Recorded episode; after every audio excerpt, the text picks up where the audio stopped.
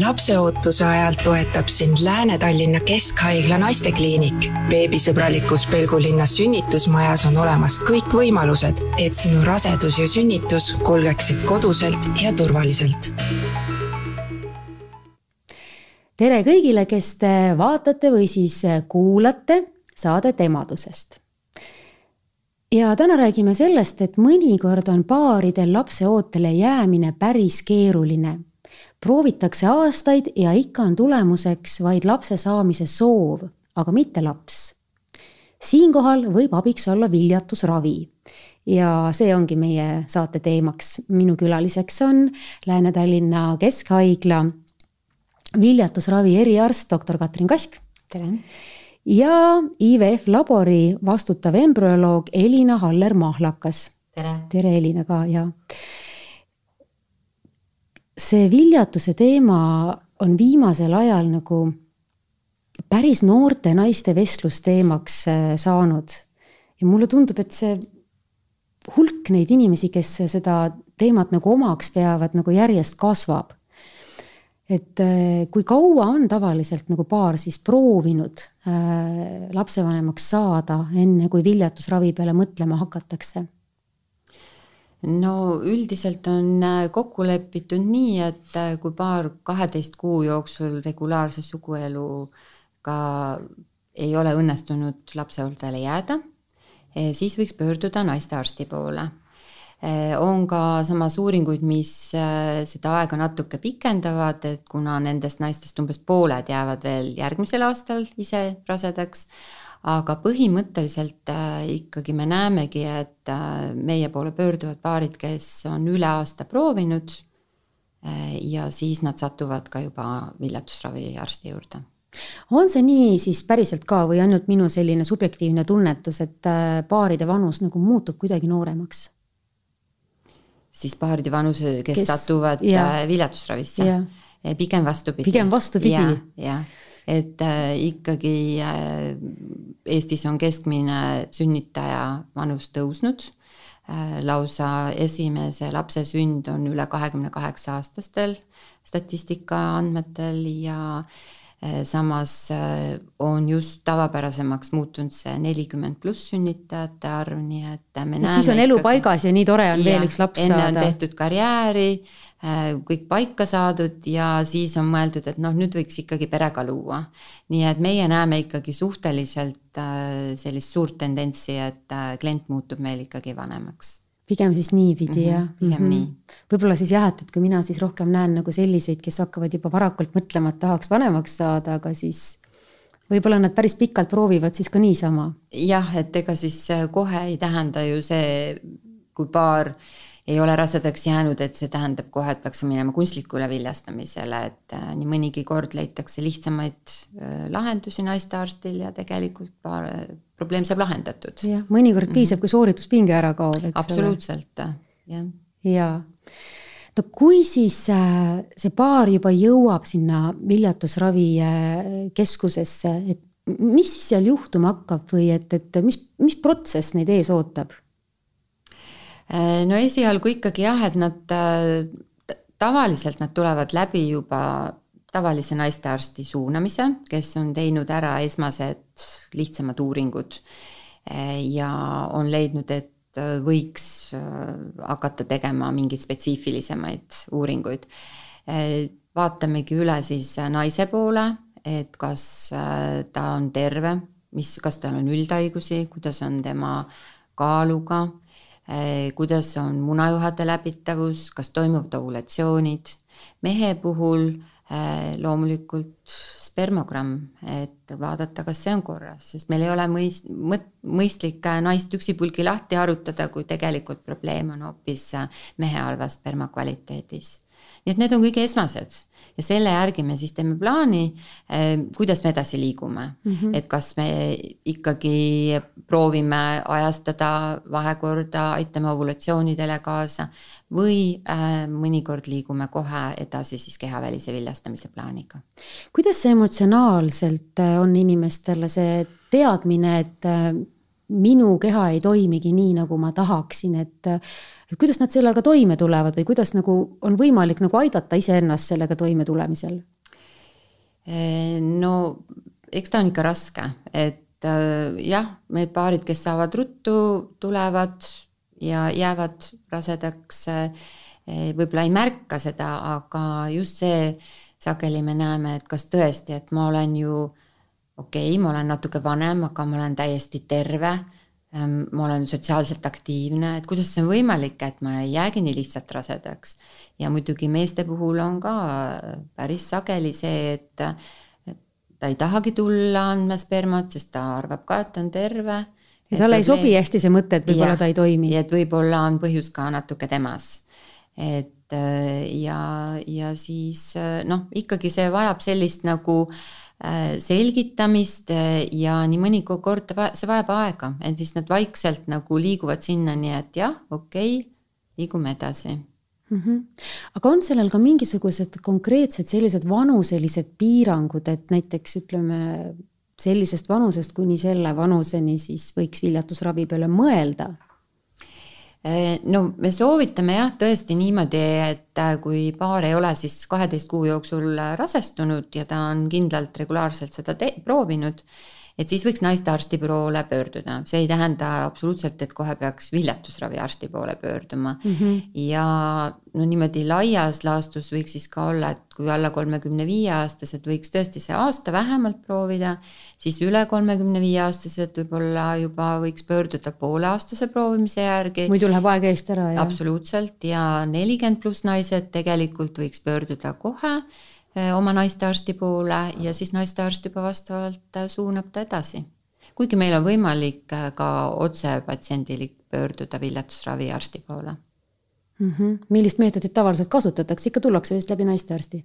Eh, nii ja naa, jah, jah millised on need terviseprobleemid üldse, mis võivad olla viljatuse põhjuseks, et üks on noh, vanus, eks ole, mis on mm -hmm. nagu üldteada-tuntud. mis põhjuseid veel võib olla? No hästi oluline on keskkond, mis võib muuta seda eh, viljatust, viljakust, eh, no vanus ja geneetika. et naistel siis on erinevad põhjused, et võib-olla näiteks munajuha kahjustus, kas siis sugulisel teel levivate haiguste tagajärjel või on tehtud kõhuõõnes operatsioone ja on tekkinud väikeses vaagnas liited ja munahad on sulgunud. Äh, võib-olla emakalimaskesta äh, kahjustus, operatsioonide tagajärjel võivad ka emaka sisse liited tekkida ja siis lihtsalt ei ole võimalik äh, embrüol kuhugi pesastuda. lisaks võib olla emaka kaasasündinud anomaaliad, nagu näiteks emaka vahesein või kahesarveline emakas, samamoodi müomisõlmed, siis väga ütleme nii, meie näeme sageli endometrioos, mis siis on, kui on emaka limaskest eh, sattunud väljapoole emakat ja põhjustab siis selliseid koldeid seal, et kahjustab näiteks nii munasarja, munajuha ja tekitab ka siis sinna väiksesse vaagnasse, võib tekitada liiteid ja omakorda võib kahjustada siis äh, läbi selle munasarjal munarakkude kvaliteeti ja üle selle ka siis embrüote kvaliteeti.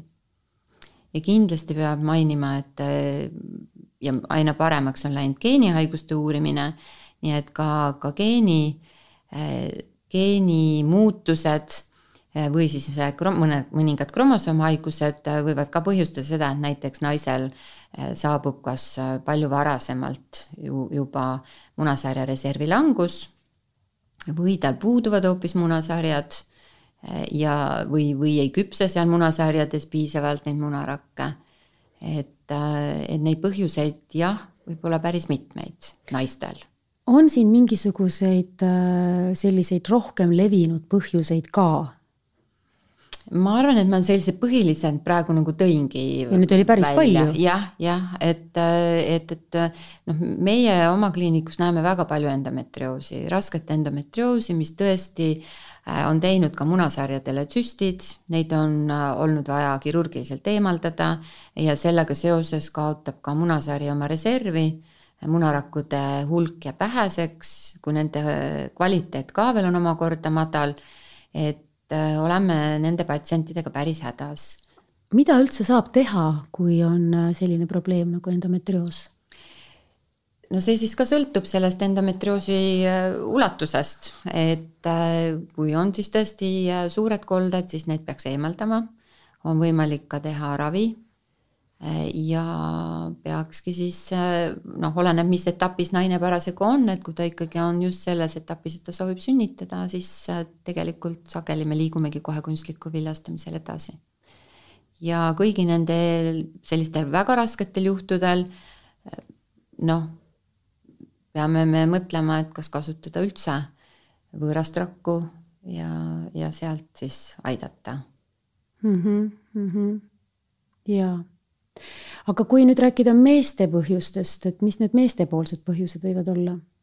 no meestel on äh, põhimõtteliselt siis võib juhtuda, et nendel on põletikke, kroonilisi põletikke äh, ja ka kromosoomgeeni haigused, mis siis põhjustavad seda, et äh, seemnerakus või seemnevedelikus seemnerakke ei ole piisavalt.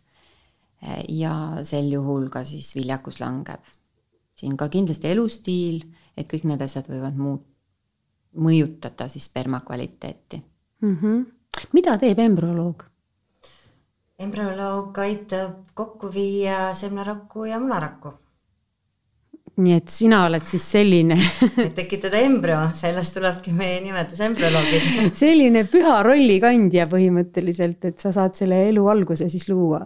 no me aitame, me ei mm -hmm. loo ise, me ikkagi natukene aitame mm. -hmm. et loodust äh, natukene ikkagi mängib oma osa ka laboris. et äh, kui äh, ikkagi ei, ei saa kokku või ei viljastu, noh, ega meie inimkesi ka ei saa midagi sinna teha. aga üldiselt jah, me oleme abivahend neile aga mõnikord vist ongi nii, et äh, ei, ei, ei saagi kuidagi, et selle, selle, selle paari puhul see väga hästi ei, ei toimi, see ükskõik mis meetodit kasutada, kas siis tuleb kõne alla siis see munaraku doonorlus või, või, või?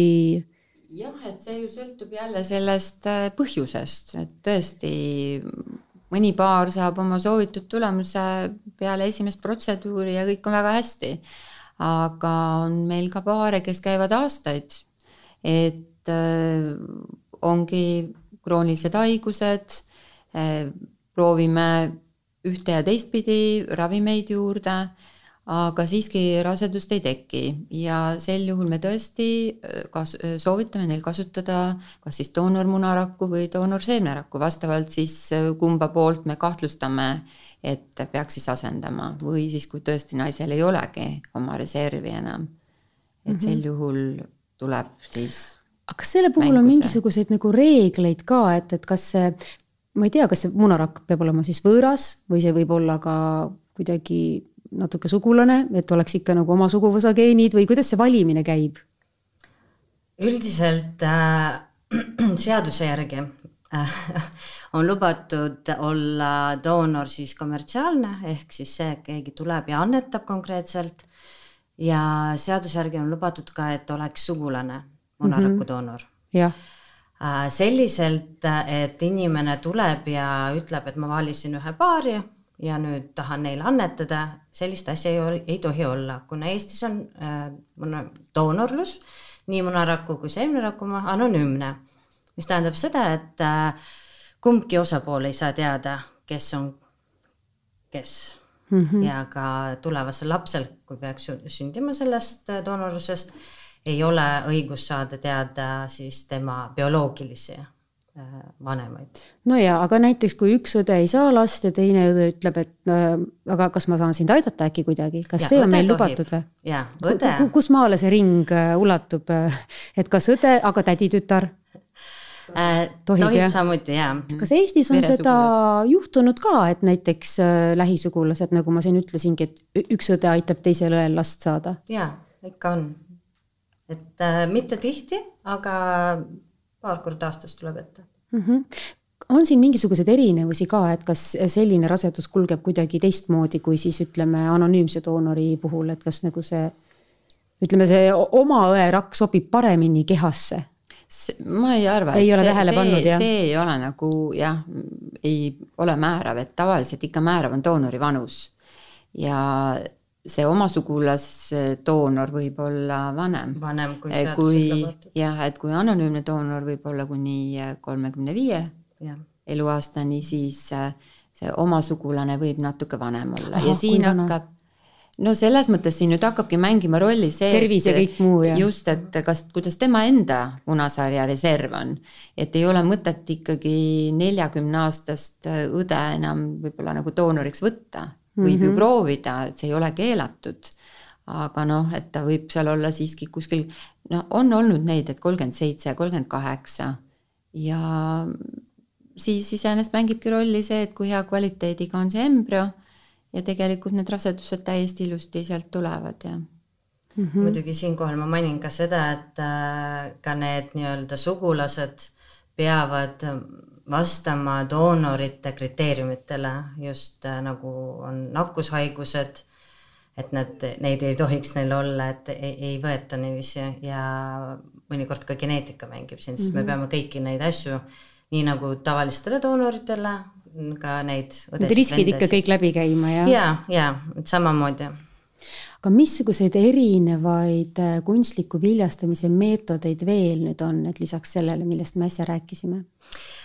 no tüüpilised, mida me laboris ütleme koos arstide abiga teeme, me alustame IU5-st, mis on kõige lihtsam ehk emakasisene inseminatsioon kus äh, siis, kui arst on nagu veendunud, et äh, naise munajuhad on läbitavad, ovulatsioonid toimuvad, et siis tuleb meesterahvas, annab meile oma seemnerakket, me natukene töötleme neid paremaks ja siis neid viiakse sinna emakasse, ehk noh, see on niisugune tegelikult kehasisene, aga noh, kunstlik viljastamine.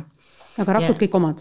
Jaa, rakud on kõik omad ja siis, kui me nüüd lähme sügavamale, ongi, et kui sellised äh, IUI-d meil ei õnnestu, siis minnakse juba sellele IVF-i poole peale, kus siis äh, stimulatsiooni, naise munasarjade stimulatsiooni järel, järel võetakse munarakud välja, antakse laborisse, tuleb mees, annab oma seemnerakud ja meie siis nii-öelda hakkame neid aitama. põhiliselt viljastamise meetodid on kaks, on IVF ehk in vitro fertilization ja see on siis selline kõige lihtsam, kus me siis lihtsalt paneme need seemnerakud munarakkude peale ja nad teevad ise oma töö. ja siis on äh, teine meetod on siis X-i, mis on intratsütoplasmaatiline in-, süstimine.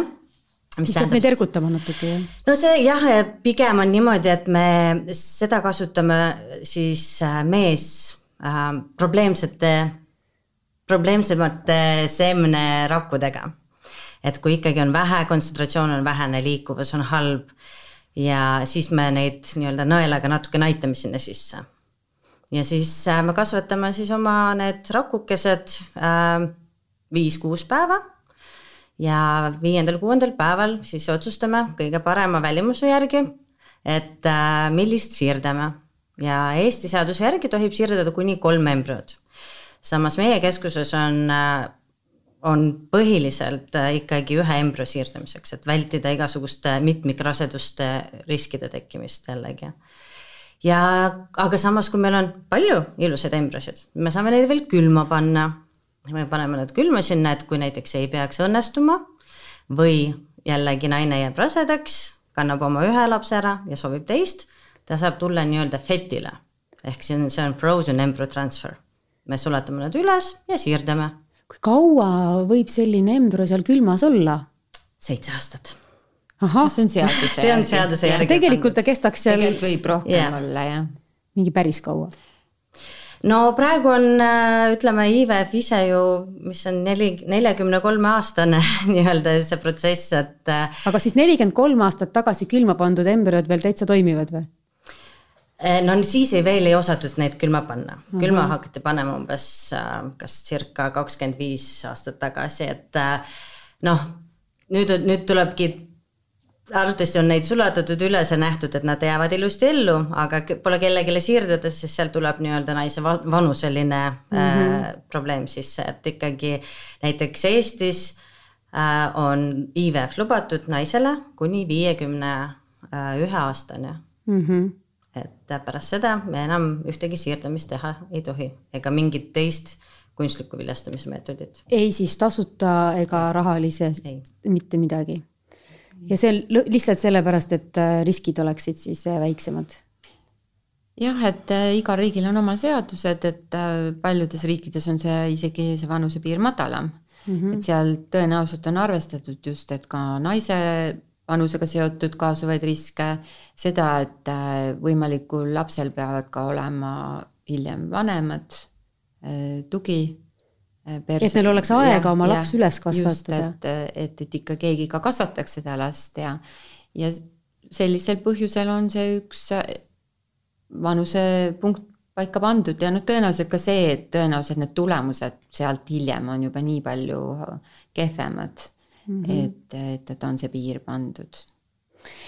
no Elina, sa lugesid siin ette neid erinevaid äh, viljastamise viise ja see oli minu jaoks selline nagu võõrkeel, et, et kõik need lühendid ja, ja, ja kõik need metoodikad ja ilmselt on nii, et see paar, kes teie juurde jõuab, et ta peab nagu täiesti uue valdkonna enda jaoks nagu selgeks õppima meil toimub enne, kui paar üldse jõuab nii-öelda IVF-ile või kunstlikule viljastamisele, ükskõik millisele nendest meetoditest, nad äh, läbivad väga põhjaliku nõustamise, et nad saaks ikkagi aru, mis, äh, mis protsessi nad algatavad mm.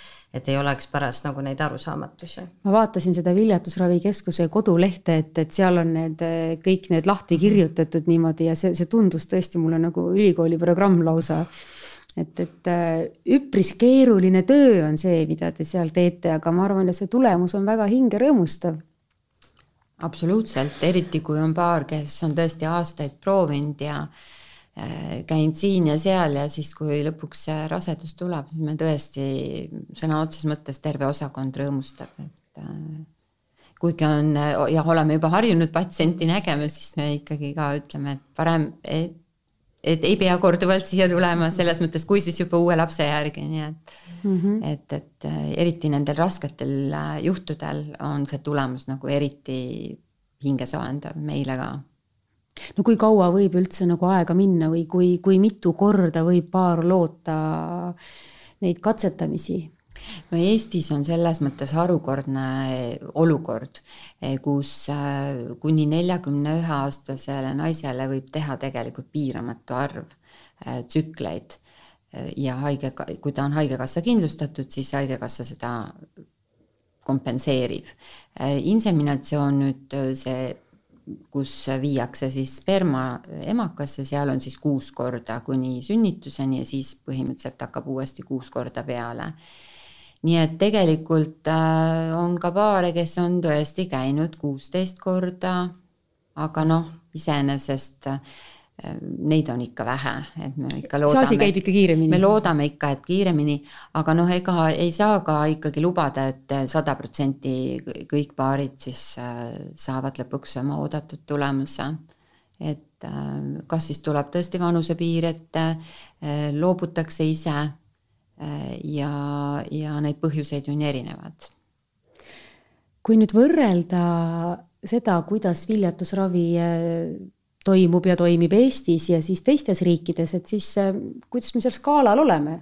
et kas Eestis on hästi sellega? väga hästi väga hästi jah, minu meelest kõiges, mis puudutab äh, lapsevanemaks saamist ja, ja laste saamist on Eestis nagu väga hästi, et siis selles valdkonnas ka.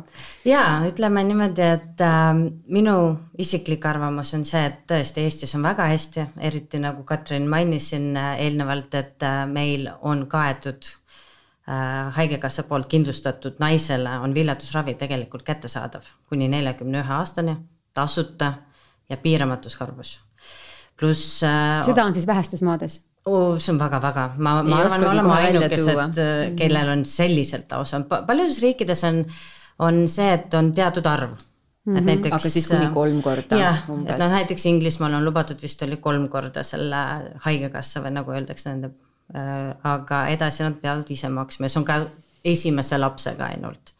et Eestis sa võid nagu tulla neid lapsi saada nii palju, kuni noh, nelikümmend üks või viiskümmend, emba-kumba nagu oleneb siis sellest ja. viisist, eks ole. ja ütleme siis laborite poole pealt mina võin julgelt öelda, et meil on viimase peal seadmed, viimase tehnoloogia seadmed kasutatakse ainult uusima tehnoloogia lahusid, kus need embrüosid kasvatatakse ja ütleme siis kõik, kõik võimalused viljatusraviks on Eestis olemas ja no näiteks meie äh, konkreetselt kliinikus me teeme sellist asja nagu PGT testid. ja mida see tähendab? see tähendab, et me testime selle, me vaatame selle embrüo geneetika üle enne, kui me ta eemakasse siirdame me siis kasvatame need selleks viiendaks-kuuendaks päevaks, võtame sealt äh, kümme-viisteist rakku ja saadame geneetikalaborisse, et vaadata üle, kas ta on kromosomaalselt normaalne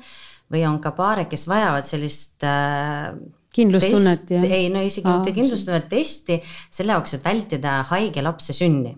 et nad on näiteks kaks äh, vanemat, on kandjad, mingisuguse haiguse, geneetilise haiguse kandjad ja kui nad kokku teevad nii-öelda lapse valmis, see laps võib olla tõsiselt haige mm. -hmm. ja meie siis oleme võimelised koos geneetikalaboritega äh, tuvastama, milline embrüo on siis selle haiguse, haigusega nii-öelda siis äh, kas haige või haige või haiguse kandja, jah. ja siis selle, nende siis testi analüüside alusel me siis siirdame kas äh, terveid embrüoid siin on üks nüanss veel, et äh, tihtipeale on ju see vanus, mille tõttu tullakse viljatusravi saama ja vanusega kaasnevad ka teatud äh, riskid, et kas te siis teete ka ütleme, no mitte just esimeses nooruses äh, lapse soovijatele need geenitestid ära, et neil oleks nagu turvaline tunne või siis nendele see ei laiene?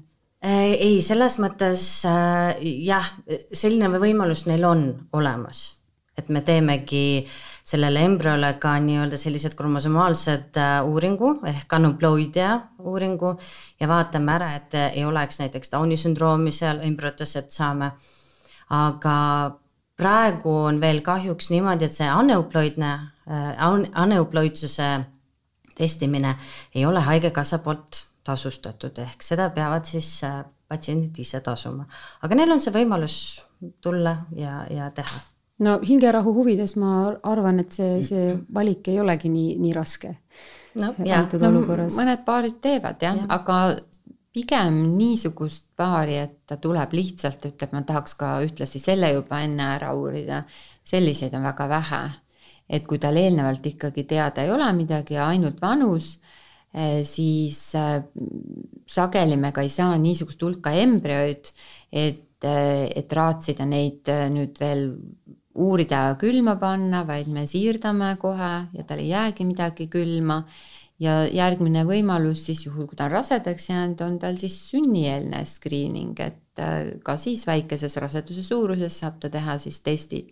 muidugi siis on juba rasedus olemas ja siis on kahjuks see raske psühholoogiline hetk, et kui peab selle raseduse katkestama. aga jah, see või see meetod põhimõtteliselt võimaldab äh, seda situatsiooni vältida. aga ega meditsiinis päris mustvalgeid asju ei ole. nii et äh, tegelikult äh, ka seda uuringut me nüüd päris niimoodi sada protsenti kõigile lihtsalt, kui ei ole mingi geenihaigus, et lihtsalt, et tahan teada niimoodi peale kohe ei, eh, ei paku. sellel ka omad riskid, jah? just, et me ka seal, see vajab ikka nõustamine, nõustamine, nõustamine, sellepärast et, et see embrüo ennast siiski ajas parandab eh, ja see, milline ta võib olla viie-kuuepäevasena, ei pruugi ta enam olla kümnepäevasena, ehk siis me ei taha ka olla situatsioonis, kus me põhimõtteliselt nagu heidame kõrvale potentsiaalselt terved embrüot, aga ta kindlasti annab meile näiteks, kui aeg on piiratud, naise vanus tõuseb, eh, ta annab meile võimaluse valida see siirdamise järjekord et me siis valime sealt selle, mis on meil vastusena kõige ideaalsem ja kui sealt siis ei tule rasedust, siis liigume sealt edasi. ja muidugi, kui naine ütleb, et ta seda kõige kehvema tulemusega ei taha, siis me ei siirda, me ei soovita siis ka tavaliselt. aga samas on seal veel vahepealseid variante mida tegelikult siis võib siirdada ja äh, on juba maailmas nii palju neid lapsi ka sellistel puhkudel sündinud, et äh, sealt võib ka terve laps sündida. see oli üldse väga huvitav, mis sa ütlesid, et võib-olla see embrüo veel parandab ennast, et see inimese organism on ikka imeline. jaa, absoluutselt, jah. jaa, et äh, kas sellel tavalisel äh, rasedusel on ju ka omad ohud, et, äh, et millised need kunstliku viljastamise ohud on, millest võiksid siis paarid nagu teadlikud olla, need põhilised mingisugused ohud? Siis ohud protseduuriga seotult. nii protseduuriga mm -hmm. kui siis ka võib-olla mm -hmm. edasi, et see mhm. rasedus ja mm -hmm. mis sellest lapsest edasi võib saada?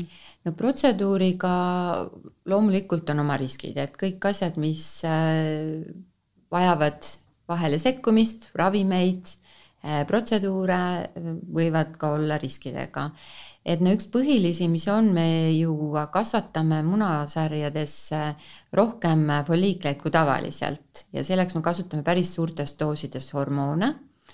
ja juhul, kui see munasari reageerib sellele kõigele väga-väga aktiivselt, siis see põhiline risk võib olla hüperstimulatsiooni sündroomi risk.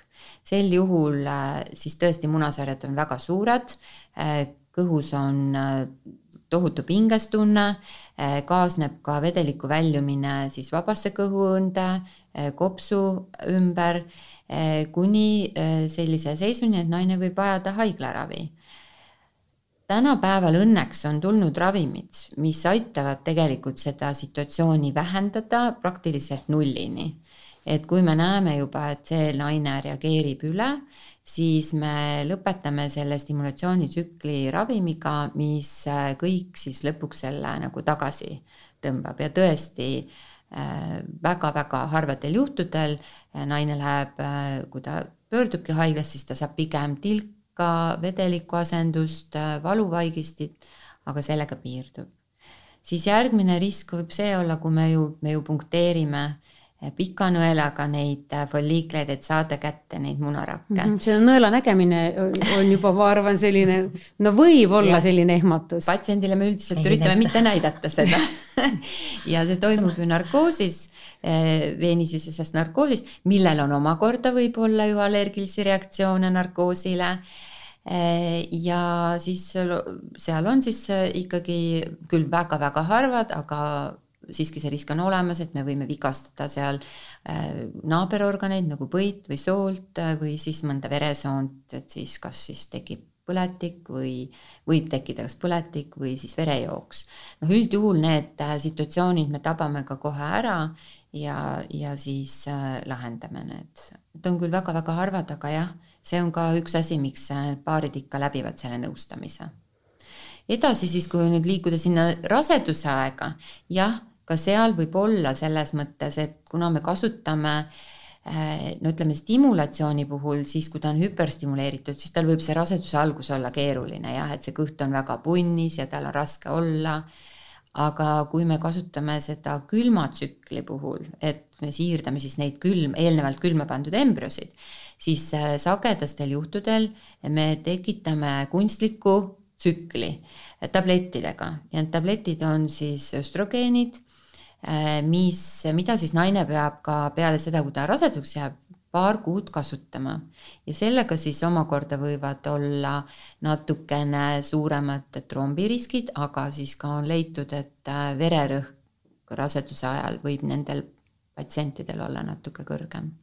See kõik kõlab ikkagi päris keeruliselt, et see, see protsess ise on ikka uskumatult keeruline, et inimese loomine ei ole sugugi nii lihtne jah, nii see on ja tegelikult äh, seoses nende uute ravimitega, uute meetodite tulemisega on see kõik läinud veel huvitavamaks ja veel keerulisemaks. et äh, see meie töö teeb loomulikult äh, huvitavamaks, aga ka raskemaks, et mm -hmm. võib-olla praegu paarid, kes kümme aastat tagasi ei saanud üldse abi, siis me saame neid näiteks aidata kui nüüd see teadus on meil äh, niisuguse hooga arenenud, äh, olete te teinud ka mingisugust statistikat või on kuskil tehtud, et äh, kui palju nendest kunstlikest viljastumistest õnnestub keskmiselt ja kui palju siis praeguse aja väikeste laste hulgas on kunstliku viljastamise teel sündinud lapsi? no selline üldine meie kuulume ikkagi sellisesse üldise maailma tulemuste tabelisse, et siis põhimõtteliselt alla kolmekümne viie aastase naise puhul võib see rasestumise protsent ühe tsükliga siis olla kuskil viiskümmend protsenti. mis on päris hea, jah. no mis on päris hea, aga no see jällegi, see ju oleneb väga-väga sellest põhjusest, miks ta rasedaks ei jäänud, et kui ainult munajuhad on sulgunud, siis on väga suur tõenäosus, et ta jääb kohe ka kenasti rasedaks.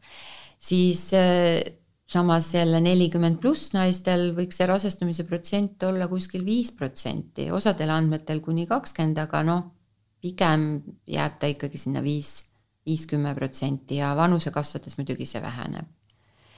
ja kui me nüüd kasutame doonorrakke, eh, siis ja eriti, kui muidu naise vanus on kõrgem, siis see protsent jälle paraneb. sest me saame parema kromosomaalse kvaliteediga embrüod siis võib seda vaadata nagu sellise pilguga, et, et mida vanem on see paar, et seda suurem on see tõenäosus, et neil tuleb lõpuks otsustada siis doonorraku kasuks.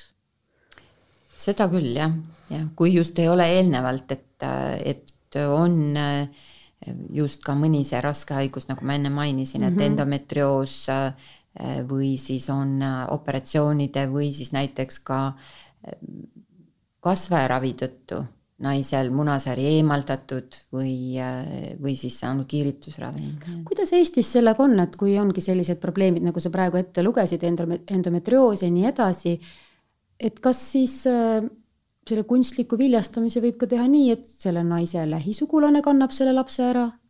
ei, see. aga võiks su... olla ju. nojah, aga surrogaatsus on praegu keelatud Eestis surrogaatsus tähendab siis asendusemadus. asendusemadus Eestis mina isiklikult arvan küll, et see on nagu, me oleme natuke maha jäänud selle Sellest koha pealt. on Eestis äh, väga pikalt diskus-, diskuteeritud, ähm, on vahepeal siin pause tehtud, nagu praegu mitte keegi sellest ei räägi ega väga vähe. aga aeg ju läheb kogu aeg. jah, aga kahjuks on jah, praegu meil see täielikult keelatud ja põhimõtteliselt äh, noh, ootame, kas keegi tõstatab jälle teema üles Eesti Naistearstide Seltsi seisukoht tegelikult, mida võib ka nende kodulehelt vaadata, on, et äh, meditsiinilisel, kindlal meditsiinilisel näidustusel äh, ja siis konsiiliumi otsusega võiks see ja altruistlikul eesmärgil võiks see olla lubatud. no see on jälle nii nagu kaks õde näiteks, et siin ei saa olla mingisugust ärikahtlustki vahel, eks ole. Nojah, et äh, see peab olema väga konkreetselt reglementeeritud, aga tegelikult ja. neid patsiente on päris palju kes äh, oma emaka tõttu ei saa rasestuda. nojah, ma küll loodan, et see asi nagu nüüd ükskord muutub ka ikkagi. et kui me muidu oleme nagu väga heas seisus ja, ja., ja ilmselgelt on selle mhm. surrogaatsusega teistes riikides ka palju probleeme mm. -hmm. aga noh, nagu te siin juba ütlete, et. no Eestis nüüd see aasta loodi selline selts nagu viljatusravi ja embrüoloogia selts, mis siis äh, ühendab kõiki Eesti kliinikuid ja loodame, et siis me sellega saate saad, kõik valupunktid üle käia, saame natukene jah, võib-olla aidata või, või suunata meie nagu ütleme, asutusi, kes meid siis nii-öelda kontrollivad ja suunavad ja kirjutavad seadusena. olete te mõnda last näinud ka, kes on tänu äh, teie keskuse tööle siis äh, sündinud? Ja oleme, vahetevahel meile tuuakse, näidatakse ja see ongi see, nagu Katrin ennem rääkis, et see ongi nagu see, siis koguneb peaaegu terve kliinik kokku ja. et meie, meie lapsukene. et, et pilte hästi. saadetakse ja. hästi sageli, mis on hästi-hästi tore, sellepärast et meilt nad ju kaovad põhimõtteliselt ära, et äh, me küll noh, mõnikord kuuleme siis, kui seal, kui ta on meie haiglas, et mis tast on saanud. aga, aga tegelikult on selline tagasiside väga-väga tore aitäh, äh, doktor Katrin Kask ja aitäh, Elina Aller-Mahlakas. Äh, head vaatajad, emadusest saade on selleks korraks lõppenud. ja kui äh, viljatusravi ei ole nüüd teie jaoks enam nii suur ja võõras teema, siis on meie seekordne vestlus väga hästi õnnestunud.